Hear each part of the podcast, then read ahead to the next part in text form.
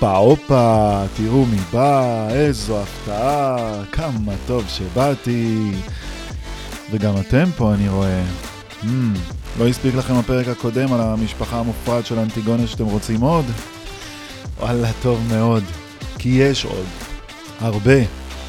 המשפחה הזו לא מפסיקה להסתחבק עם הטירוף של עצמה, תכף אתם תראו, כשהיום אנחנו ניכנס למחזה של אנטיגונה, ננתח גם את הפרולוג, גם נתעכב על הקונפליקט וגם נכיר את המקהלה. כן, יש פה מקהלה די עליזה. לא, בעצם לא עליזה בכלל. אז אחרי שסיפרנו בפרק הקודם את הטרגדיה של אדיפוס ושני הבנים שלו, פוליניקס ואתאוקלס, אנחנו יכולים עכשיו להציג את הגיבורים של המחזה, ותראו שאתם כבר מכירים אותם מהפרק הקודם. אז יש לנו את שני הגיבורים הראשיים של המחזה, אנטיגונה וקריאון. קריאון הוא המלך הטרי של ממלכת תיבאי, הוא ממש עכשיו נכנס לתפקיד, הוא חסר ניסיון מצד אחד ומלא בעצמו מהצד השני, שזה כבר סיבה להפעיל צופרים. משחק אותה גבר גבר, אבל uh, מאחורי הפוזה הוא מחביא דימוי עצמי אפס וביטחון עצמי בתחתונים. תכף נגיע אליו ותראו למה. והגיבורה הנוספת של המחזה שעל שמה הוא קרוי, זאת אנטיגונה. והיא הבת של אדיפוס המלך, זה שסיפרנו עליו בפרק הקודם, וגם לה לא חסר אגו. מה שחסר לה בעיקר זה מודעות עצמית. וגם קצת שליטה עצמית הייתה עושה לה רק טוב. לאנטיגונה יש שני אחים ואחות, אמרנו, נכון? בפרק הקודם. אחותה גם משתתפת במחזה הזה, היא דמות משנה וקוראים לה איסמנה. גם האחים שלה משתתפים במחזה. בתור גופות אמנם, אבל משתתפים. תכף נסביר את הכל. חוץ מאלו, יש לנו עוד שתי דמויות משנה חשובות, האימון, שהוא הבן של קריאון, וטרסיאס, שהוא הנביא של ממלכת תיבאי. אלה הדמויות הכי חשובות במחזה. חוץ מהם יש, יש את השומר ויש את המקהלה ואורידיקה, אנחנו נדבר על כולם כשהם יעלו על הבמה, כי גם להם תפקיד חשוב ומאפיינים שצריך להכיר. אז יאללה, בואו, בואו נתחיל. המחזה אנטיגונה מחולק לשש תמונות, כלומר שישה פרקים, והוא נפתח בפרולוג. פרולוג בעצם פתיחה, אוקיי? בפרולוג עולה המסך, תזכרו שאנחנו בעצם מדברים על מחזה, אז הכל צריך להיות מומחז, ולכן גם קוראים לכל פרק תמונה, צריך לצפות בזה. אז בפרולוג בעצם עולה המסך על המקום שבו התרחש המחזה, והמחזה מתרחש מול שערי ממלכת תיבאי. וכאן המקום לדבר על המושג שנקרא שלוש האחדויות. את הרעיון של שלוש האחדויות הוגה אריסטו, שבטח שמעתם את השם שלו, כי הוא היה פילוסוף יווני מרכזי מאוד, חי במאה הרביעית לפני הספירה, היה תלמיד של אפלטון, בטח גם את השם הזה שמעתם. אז לדעת אריסטו, טרגדיה טובה היא בעלת עלילה אחת, כלומר אין עלילות משנה, יש שם רק סיפור אחד ורק בו מתרכזים, והעלילה האחת הזאת מתרחשת בזמן אחד ובמקום אחד. לדוגמה, העלילה של הטרגדיה שלנו, אנטיגונה, מתרכזת רק בקונפליקט אחד. יש לה רק עלילה אחת. חוק האלים שמייצג את אנטיגונה מול חוק המלך שמייצג קריאון, תכף נדבר על זה, אבל חוץ מזה אין שום דבר אחר, אין עלילות משנה במחזה. וזה נקרא עלילה אחת. כל המחזה מתרחש במקום אחד. הנה, נפתח לנו כרגע המסך, עולה המסך, ואנחנו רואים את שערי ממלכת תיבאי. כל הסיפור יסופר רק שם. כל המחזה יומחז רק מול ממלכת שערי תיבאי. לא תהיה על הבמה שום תפאורה אחרת חוץ מזה. זה אומר מקום אחד. והמחזה מתרחש בזמן אחד, כלומר עכשיו, בזמן הווה. כל הדמויות פועלות בזמן של התרחשות הסיפור. לא יהיו קפיצות בזמן, לא מוצגים אירועים שהתרחשו בעבר. עלילה אחת, זמן אחד, מקום אחד, זה הרעיון של שלוש האחדויות. ומה המטרה של שלוש האחדויות? ליצור מימזיס. מימזיס הכוונה היא חיקוי של המציאות, אוקיי? איזושהי אשליה בעיני הצופים שהעולם הסיפורי שמתרחש על הבמה כאילו מתרחש בעולם האמיתי. כמה שיותר קרוב לעולם האמיתי, אוקיי? אז יש לנו ככה סיפור מעשה שהוא מאורגן ממש בצורה הדוקה.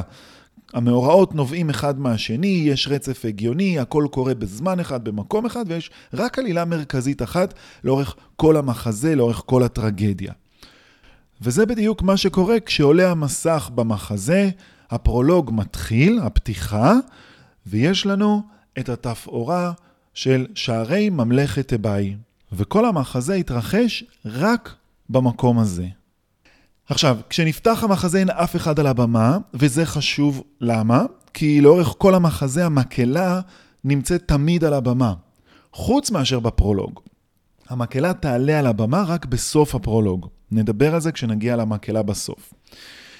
אז אנטיגונה ואיסמנה עולות לבמה, הבמה הייתה עד עכשיו ריקה, אנטיגונה ואיסמנה עולות כל אחד מצד אחר של הבמה, ובפרולוג בעצם מתקיים דו-שיח, דיאלוג, בין שתי האחיות האלה, איסמנה ואנטיגונה. אני מזכיר לכם שאנחנו נמצאים ממש אחרי המלחמה העקובה מדם בין ממלכת ארגוס לממלכת תיבאי, אחרי הדו-קרב של שני האחים, אתאוקלס ופוליניקס, שניהם הרגו אחד את השני, שתי הגופות שלהם שרועות עכשיו בכניסה לממלכת תיבאי, מול השערים של ממלכת תיבאי, ואנטיגונה מעדכנת את איסמנה שהמלך החדש, קריאון, שהוא הדוד שלהם, הוציא הנחיה חדשה, חוק חדש. לפי החוק הזה, האח הצעיר שלהם, מתאוקלס, שלחם לצד ממלכת תיבאי במלחמה הזאת, הוא יזכה לקבורת מלכים, ברוב פאר והדר, לפי כל כללי הטקס הראויים וכולי. לעומתו פוליניקס, האח הבכור שלהם, שהוא בא על ממלכת תיבאי עם ממלכת ארגוס כדי לחטוף את הממלכה, את כס השלטון מאחיו שסירב לתת לו, הוא לא ייקבר בכלל. הגופה שלו תיזרק למאכל של עופות טורפים, כלבים וכולי. ולמה? כי מבחינת קראון הוא נחשב בוגד.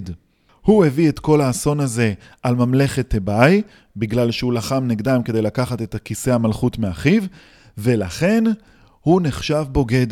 ומי שיפר את הצו של קריאון, קריאון קובע בצו, הוא ייסקל באבנים.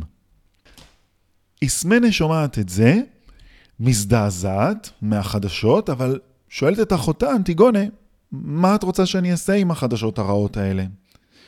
ואנטיגונה מודיעה לאחותה שהיא הולכת לקבור את אחיה בכל מחיר, כלומר את הגופה של פוליניקס, והיא מציעה לאחותה להצטרף אה, יחד איתה לעשות את המעשה. כלומר ששתיהן ביחד יקברו אותו. בעצם אנטיגונה מציעה לאיסמנה, בואי נעבור על החוק, נלך נגד צו המלך. איסמנה ממש לא מתכוונת לעשות את זה. היא עונה לאחותה שהיא פזיזה, ושהיא מתנגדת למעשה של אחותה משלוש סיבות. אתם צריכים לזכור את שלוש הסיבות האלה. אחת, איסמנה לא מסכימה עם החוק של קריאון, אבל היא פוחדת מהשלטון שלו ומהכוח שלו. היא אומרת, זאת תהיה טעות לצאת נגד המלך. שתיים, היא אומרת, אנחנו בסך הכל נשים, אנחנו חלשות.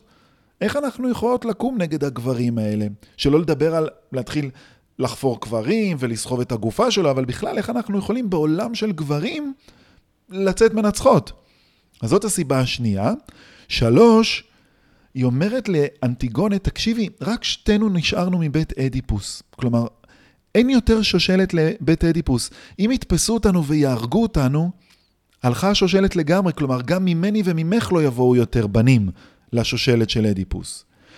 אלה שלוש הסיבות שאיסמנה נותנת לאנטיגונה, למה היא לא מתכוונת לעשות את זה, אתם צריכים לזכור את השלוש סיבות האלה. אחת, איסמנה אומנם לא מסכימה עם החוק של קרון, אבל מפחדת מהשלטון ומהכוח שלו, לא חכם לצאת נגד השלטון. שתיים, אנחנו נשים ואנחנו חלשות מול עולם גברי. שלוש, שתינו היחידות שנותרנו מבית משפחת אדיפוס, בלעדינו הלכה השושלת.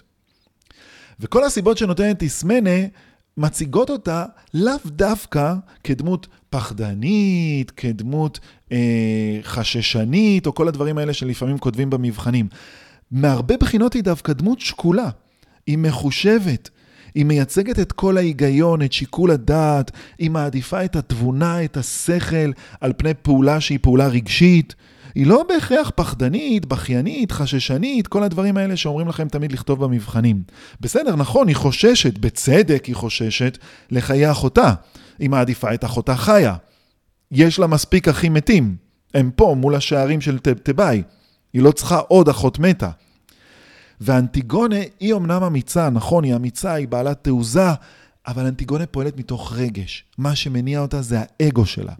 היא גאה מדי, וכשהיא שומעת את הנימוקים של אחותה, היא כועסת עליה, היא נפגעת, היא אומרת לה, עכשיו אפילו אם תרצי בעתיד להשתתף איתי במעשה של הקבורה, אני לא אתן לך. היא ממשיכה, היא אומרת אפילו שהיא בזה לאחותה, וגם אחיה המת פוליניקס בטח בז לה. ואנטיגונה נותנת מול השלוש סיבות של איסמנה, שלוש סיבות נגדיות, למה היא כן הולכת להפר את צו המלך. והשלוש סיבות האלה, שגם אותם אתם צריכים לזכור כי זה שלוש מול שלוש, הן אלה. אחת, פוליניקס הוא אחי, והנאמנות המשפחתית קודמת לכל דבר אחר. אחר כך היא אומרת, יש לי גם נימוק דתי. זה רצון האלים. צו האלים קובע שיש לקבור את המת. אני מכבדת את האלים, ולכן, והנה הסיבה השלישית, לא אכפת לי למות, אני מוכנה למות עבור המעשה שלי, כי המוות שלי יהיה ראוי ויהיה קדוש. אוקיי? כלומר, הנה שלוש סיבות שנותנת אנטיגונה לעומת השלוש סיבות של איסמנה. אחת, כבוד המשפחה, מדובר באחי ואני לא אתן שיבזו את השושלת של אדיפוס. שתיים, זה רצון האלים, וחוק האלים וצו האלים הוא מעל חוק המלך. שלוש, לא אכפת לי למות, אני מוכנה למות עבור המעשה שלי, כי הוא מעשה של גבורה, והוא מעשה הירואי, והוא מעשה קדוש. והאלים יודו לי.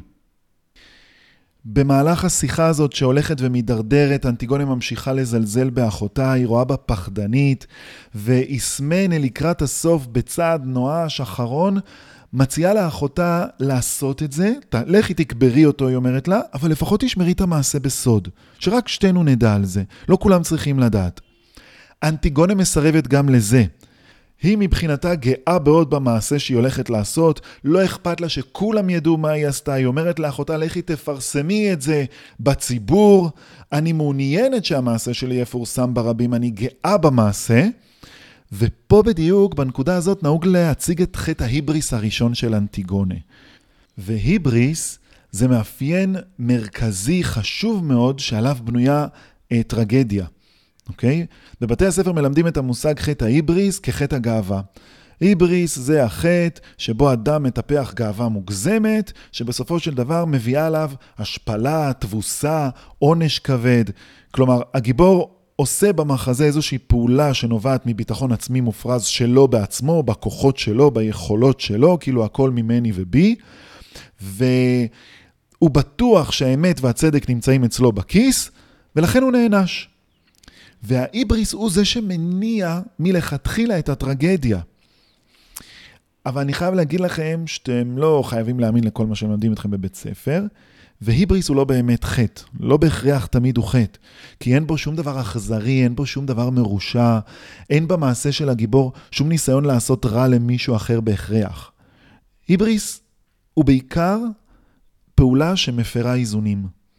ולכן הוא בעייתי. כלומר, בהפרת האיזונים זה הבעיה שלו. אבל כל פעולה שאנחנו עושים בחיים היא בעצם אז היבריס. כי כל בחירה שלנו לפעול, כל דיבור שלנו, אפילו כל מחשבה שלנו, משפיעים על האיזון שקיים בנו ובאחרים ובעולם. לכל פעולה שאנחנו עושים יש השלכות. כל פעולה שלנו מזעזעת את האיזון העדין שעליו בנוי הטבע או העולם או מה שתרצו. כלומר, אנחנו פועלים מתוך היבריס כל הזמן. כל הזמן אנחנו מפרים איזשהו סדר קיים, ולכן אנחנו סופגים את ההשלכות של הבחירות שלנו. תפתחו את החלון ותראו שהעולם בנוי כולו על איזונים. אין רע בלי טוב, משהו קמל מהצד השני משהו צומח, אה, חושך בצד אחד של העולם, בצד השני יש אור. העולם בנוי על איזונים עדינים, הוא דואג כל הזמן לאזן את עצמו. תסתכלו מה קורה כשאנחנו מתערבים בעולם. לדוגמה, בעיות האקלים. אנחנו חושבים שאנחנו יכולים עם הטכנולוגיה שלנו להשתלט על העולם, העולם יאזן את עצמו. אנחנו נשלם מחיר, אבל העולם ידאג לעצמו, הוא יאזן את עצמו בסופו של דבר, איתנו או בלעדינו. זה הרעיון של איזונים. תראו את זה גם בחיים שלכם. אתם בוחרים לעשות בינג'ים עד שלוש בבוקר על אופוריה, אתם משלמים על זה בלימודים. אבא אמא משקיעים יותר מדי שעות בקריירה, הם משלמים על זה בחיי משפחה. אתם משקיעים יותר מדי באימונים או בחוג, אתם משלמים על זה בחיי החברה שלכם. יש עוד מלא דוגמאות. כל הזמן אנחנו צריכים להיות בשאיפה לאיזון, שיהיה לנו את הגם וגם הזה. וזה מה שקורה גם לאנטיגונה. היא מאבדת את האיזון, וזה הרעיון של ההיבריס. אבל לבגרות אתם צריכים את המינימום של המינימום, הגדרה בסיסית, בלי שום מחשבה מיותרת, חס וחלילה שלא תעבור לכם בראש. היבריס הוא חטא שבו אדם מטפח גאווה מוגזמת, שבסופו של דבר מביאה עליו השפלה, תבוסה, עונש כבד, כבר אני יודע את זה בעל פה, גם אתם תדעו את זה. הכי חשוב לזכור שהאדם פועל מתוך ביטחון מופרז. והביטחון המופרז הזה, שהוא כל כך בטוח בעצמו, זה מה שמביא עליו את הכישלון, או את ההפסד, את המפלה, את התבוסה, במקרה שלנו, את הטרגדיה. וזה בדיוק מה שיקרה לשני הגיבורים הראשיים שלנו במחזה, לקריאון ולאנטיגונה. זה מה שיביא להם. חטא ההיבריס הוא מה שיביא להם את הטרגדיה שלהם. וחטא ההיבריס של אנטיגונה בפרולוג, זה שהיא בטוחה שהאמת נמצאת אצלה. היא משוכנעת שהיא עושה את רצון האלים, שהאלים הולכים לצידה, אה, היא כבר ממש מרגישה כאילו היא חלק מהם, היא מייצגת אותם, ועל ההיבריס הזה היא תשלם מחיר. עכשיו, לפעמים מבקשים מכם להשוות בין איסמנה לאנטיגונה בכל מיני שאלות. וכשאנחנו מתבקשים לעשות השוואה, אנחנו חייבים להציג גם דברים דומים, ולא רק לעמוד על ההבדלים, אוקיי? אז אם אתם נדרשים לעשות השוואה בין שתי האחיות, קודם כל תזכרו לגבי איסמנה שהיא לא רק האחות החששנית, הפחדנית וכולי, אלא היא גם מייצגת את שיקול הדעת, את התבונה, את הפעולה מתוך שכל ופחות מתוך רגש. ודבר שני, אם אתם נדרשים לעשות השוואה בין שתי האחיות, תזכרו גם אה, את הדברים המשותפים. שתיהן הבנות של אדיפוס, שתיהן אחיות של פוליניקס ותאוקלס, שתיהן בנות מלוכה, והכי חשוב, שתיהן פועלות למען המשפחה שלהן. האינטרס שלהן זהה. שתיהן רוצות לעשות את הדבר הכי טוב ונכון עבור השושלת של אדיפוס. ההבדל הוא שאיסמנה מקדשת את החיים, בעוד אנטיגונה מקדשת את המתים. איסמנה גם רוצה לדאוג למשפחה שלה. איסמנה רוצה לדאוג לאחותה שחיה, וככה לשמור על המשפחה שנשארה לה. לעומתה, אנטיגונה גם רוצה לדאוג למשפחה שמתה. כלומר, אנטיגונה רוצה לדאוג לאח המת, וככה לשמור על כבוד המשפחה. וכבר כאן, בפרולוג, אנחנו נתקלים בקונפליקט המרכזי שיוביל את המחזה. אפילו שעוד לא ראינו את קריאון, רק מהחוק שלו, שנכנס בפרולוג, אנחנו מבינים מה הקונפליקט המרכזי של המחזה. כי ישר עולה השאלה, מי צודק אז, אנטיגונה או קריאון? מה גובר? חוק האלים שמייצג את האנטיגונה, או חוק המלך שמייצג קריאון? כדי להבין יותר טוב את העוצמה של הקונפליקט, אולי אנחנו צריכים להבין את הסדרים החברתיים המוכרים בתקופה שבה נכתב המחזה, וזה יחזק, יהדק יותר טוב את הקונפליקט עבורכם. לפני 2500 שנה צריך לזכור שהעולם נשלט על ידי מלכים, כלומר מונרכיות, או על ידי בעלי הון, כלומר שליטים עם כסף, אוליגרכים. ואתונה הדמוקרטית במאה החמישית, שהציגה שלטון של אזרחים, הייתה תופעה חריגה לגמרי בנוף. זאת דמוקרטיה שצומחת במאה החמישית לפני הספירה. ואז היא מעלה הרבה מאוד שאלות, הרבה מאוד ויכוחים על איך צריכים להתנהל הסדרים החברתיים. ואחד מהם, אחד הוויכוחים, מתמקד בשאלה של הפיזיס והנומוס, כלומר הטבע מול החוק. מה קובע, מה חשוב, מה יסודי יותר מביניהם, מה מעצב את האופי של האדם ומה משפיע עליו יותר. ובנושא הזה, בין היתר, עוסק המחזה של אנטיגונה. כלומר, הטרגדיה הזאת בוחנת שני ייצוגים של טבע מול חוק, ומאמתת ביניהם, היא, היא יוצרת את הקונפליקט ככה. ולפעמים כדאי לזכור שמה שחוקי ומה שמוסרי, אלה שתי חיות שונות לגמרי. אתם יודעים, לפעמים קורה איזה נס ועולה שאלה בבגרויות או במבחנים על המחזה הזה, שאלה שבאמת דורשת מכם להפעיל קצת מחשבה. לדוגמה, למה כדאי ללמוד בכלל את אנטיגונה? מה הטעם להמשיך וללמד יצירה שנכתבה לפני כמעט 2,500 שנה? איך היא רלוונטית לכאן? איך היא רלוונטית לעכשיו? והרבה פעמים תלמידים מסתבכים עם השאלה הזאת, כאילו, מה לענות? מה קשורות עכשיו נסיכות ונסיכים ומלכים לחיים שלנו? אין לנו פה לא מלכים ולא כלום, וביבי לא נחשב. וזה בדיוק העניין. שצריך להבין עד כמה המחזה כן רלוונטי. רוב השיעורים בבתי ספר פחות עוסקים בזה, הם פחות פותחים פתח לשאול על הרלוונטיות של, ה, אה, של המחזה. אבל השאלה המרכזית במחזה, הקונפליקט המרכזי, הוא מתקיים גם היום. אתם נתקלים בו כל יום, אתם חיים אותו כל יום. אנחנו חיים במדינה שהדופק שלה הוא הקונפליקט שעולה במחזה. שאותו אתם בטח כבר הבנתם, אתם יודעים לדקלם אותו כבר בעל פה, חוק האלים מול חוק המלך. אז מה זה במילים של היום? דת מול מדינה. ומכיוון שבישראל של היום אין הפרדה בין דת למדינה, והדת מעורבת באופן פעיל בענייני החיים השוטפים שלנו, נישואים, גירושים, אוטובוסים בשבת, עסקים בשבת, מסעדות כשרות, קבורה, יש מלא. אז השאלה איך מגשרים על הפער היא רלוונטית גם היום. ולכן המחזה רלוונטי לכאן, לעכשיו שלנו, והוא רלוונטי מעוד הרבה היבטים, כי הוא מעלה עוד הרבה שאלות וקונפליקטים מורכבים נוספים. תחשבו על ההתנגשות בין צו המצפון לבין חוקי המדינה. על עקרונות אישיים מול חשיבות המשפחה. אינטרסים אישיים ואינטרסים חברתיים, מה כדאי לעשות, מה שטוב לי או מה שטוב לחברה. האם אני אעשה את מה שטוב לי אבל מה שרע לחברה זה בסדר מצידי? המצפון שלי יאפשר את זה? לא יאפשר את זה? אכפת לי מאחרים? לא אכפת לי מאחרים? הוא מעלה שאלות על יחסי אבות בנים, הוא מעלה שאלות על האופי של הבן אדם, האם האופי שלנו קובע את הגורל שלנו בסופו של דבר? האם יש לנו שליטה בכלל בחיים או שהכל גורל? האם הכל צפוי או הרשות נתונה? וכל הנושאים האלה עולים במחזה והם עולים כקונפליקטים קשים, והדמויות צריכות להתמודד איתם. והעיסוק של המחזה בשאלות האוניברסליות, העל-זמניות האלה, הם שאלות על המצב הקיומי של הבן אדם. ובגלל זה המחזה כל כך רלוונטי גם להיום. אז אם שואלים אתכם שאלה כזאת במבחן, הנה מלא אופציות לבסס עליהן תשובה, אחלה תשובה מדוגמת. לכו על הנושא, מכל מה שהזכרתי, לכו על הנושא שהכי מדבר אליכם, משהו שאתם מתחברים אליו, והנה, יש לכם מה לכתוב, ואתם מסודרים. אז זה לגבי הקונפליקט, חוק האלים מול חוק הטבע וכל ההסתעפויות שלו ולמה הוא רלוונטי גם להיום ולאן הוא משליך, לאיזה עוד נושאים. ואני חוזר שנייה לסיים את הפרולוג. אז הפרולוג בעצם מסתיים בפיצוץ, במתח גדול בין אנטיגונה לאיסמנה, אנטיגונה כועסת על איסמנה, כל אחת מהן יוצאת מהבמה, כל אחת מצד אחר, ועכשיו עולה על הבמה המקהלה. ומהרגע שהמקהלה עולה על הבמה, היא לא תרד עד סוף המחזה. למקהלה יש כמה תפקידים לאורך המחזה, נגיד אותם עכשיו. התפקיד הראשון, הכי קל, זה בעצם, יש לה תפקיד אסתטי. היא שרה, היא רוקדת, היא אחראית על חלק תיאטרלי מתוך המחזה, והיא מעשירה בעצם את המחזה, את הטרגדיה הזאת, בשירים, בריקודים וכולי וכולי. זה התפקיד הראשון.